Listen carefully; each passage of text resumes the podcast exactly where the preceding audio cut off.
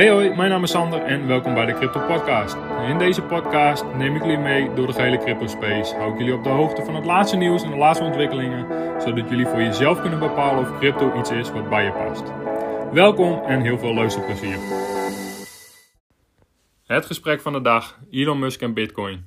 Het narrative wat op dit moment gedreven, uh, gepusht wordt is, Bitcoin is slecht voor het milieu. That's it. Vannacht heeft Elon Musk eh, een eh, tweet gedaan de meeste van ons lagen gelukkig lekker, hopelijk, hopelijk lekker te slapen en hebben hier weinig van meegekregen. Waarschijnlijk vanmorgen toen je wakker werd en naar de charts keek of uh, naar je portfolio keek, uh, kon je er iets van zien. Maar Bitcoin, Bitcoin. Elon Musk tweette gisteren, Tesla accepteert geen Bitcoin meer als betaling voor auto's, omdat Bitcoin slecht is voor het milieu. That's it. En ik wil hier gewoon even mijn visie op geven wat ik hiervan vind. En ik wil dat gewoon even in perspectief zetten. En uh, de laatste tijd wordt constant dit narrative gebruikt om uh, Bitcoin in een negatief daglicht te, te zetten. Joh, ik vind dat prima. Alleen Bitcoin neemt niet meer energie dan de stad van Las Vegas. En ik wil niet zeggen dat dat niet aanzienlijk is. Tuurlijk is dat aanzienlijk. Uh, maar hoeveel grote steden zijn er in, in de wereld? hoeveel neemt de totale bank, bankensector aan energie? Hoeveel neemt de totale goudmijnindustrie aan energie? De hele olieindustrie, wat neemt die aan energie? Uh, ja, daar wordt niet over geroepen. Nee, uh, we hebben het nu over de Bitcoin is slecht voor het milieu en uh, Bitcoin is slecht en door Bitcoin gaan we terug naar de ijstijd. Ja, ik moet er eigenlijk wel een beetje om lachen. Het, het slaat gewoon nergens op. En het is wel interessant. ja, er zijn natuurlijk nu verschillende scenario's doen de ronde met betrekking tot Elon. Kunnen een aantal dingen gebeurd zijn kan zijn dat uh, Elon, uh, en dat doet hij wel vaker, enorm ego heeft en een, een beetje aan het trollen is en dit tweetje eruit doet. Het is alleen gek dat jij dit soort bedrijfsstrategieën via Twitter eruit brengt in een niet geschreven tekst. Maar volgens mij was het een foto van, van, van een tekstblok. dus dat, dat is heel vaag. En ik denk dat de SEC daar ook nog wel wat van gaat vinden. Want eigenlijk manipuleer je op die manier de markt. Want jij weet dat mensen daarop gaan reageren en dat dat iets met de markt doet kan zijn dat het account van Elon Musk uh, gehackt is en dat, uh, ja, dat dit gebruikt is om uh, de markt te manipuleren. Het kan ook zijn dat er een lobby is geweest richting Elon en dat Elon bezweken is onder de druk. En dat, er een, ja, dat er vanuit politieke macht, dat de zittende macht druk heeft uitgeoefend op Elon Musk om dit narrative naar buiten te drukken en deze strategische keuze met Tesla te gaan doen.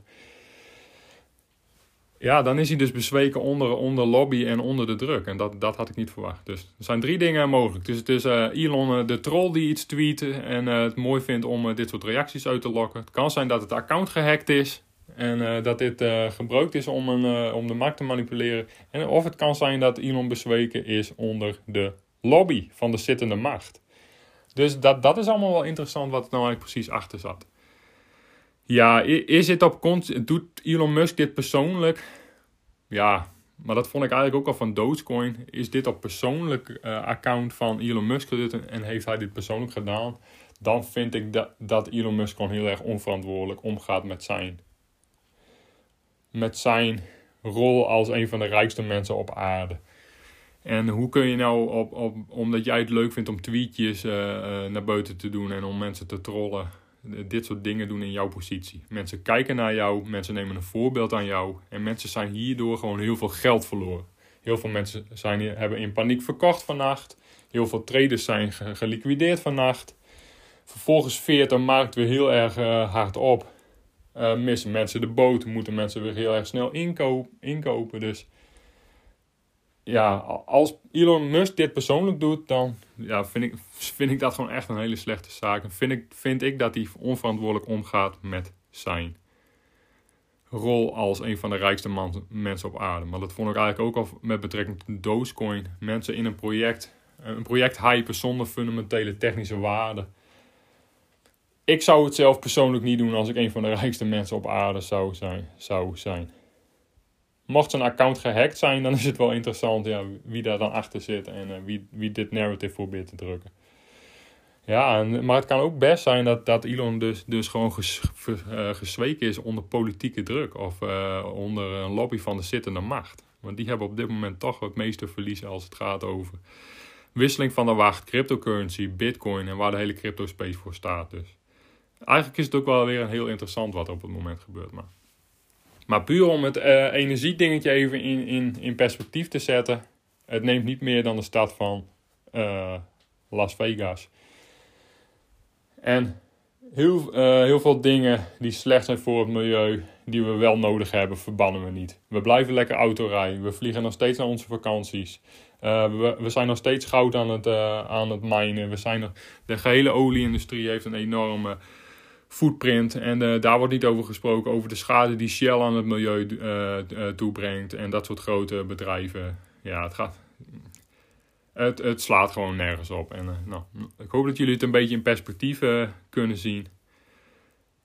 En ja, dat, dit, eigenlijk sluit dit wel heel erg mooi aan op de aflevering die ik gisteren heb opgenomen over. Dit is, dit is gewoon weer de dagelijkse stress in crypto. Morgen is het dit nieuws, overmorgen is het dat nieuws.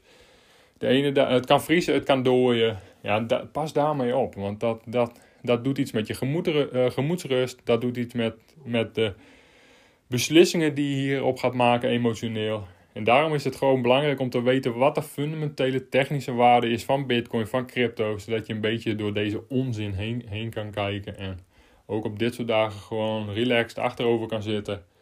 Natuurlijk eh, heb je even een hit genomen op je portfolio, maar dat is ongerealiseerd winst, ongerealiseerd verlies.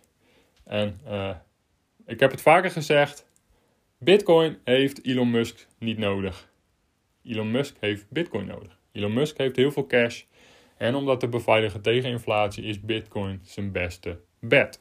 Hij heeft ook aangegeven niet zijn Bitcoin reserves te gaan verkopen. Dus het is gewoon FUT. Fear, uncertainty en doubt. Wat de markt ingeslingerd wordt.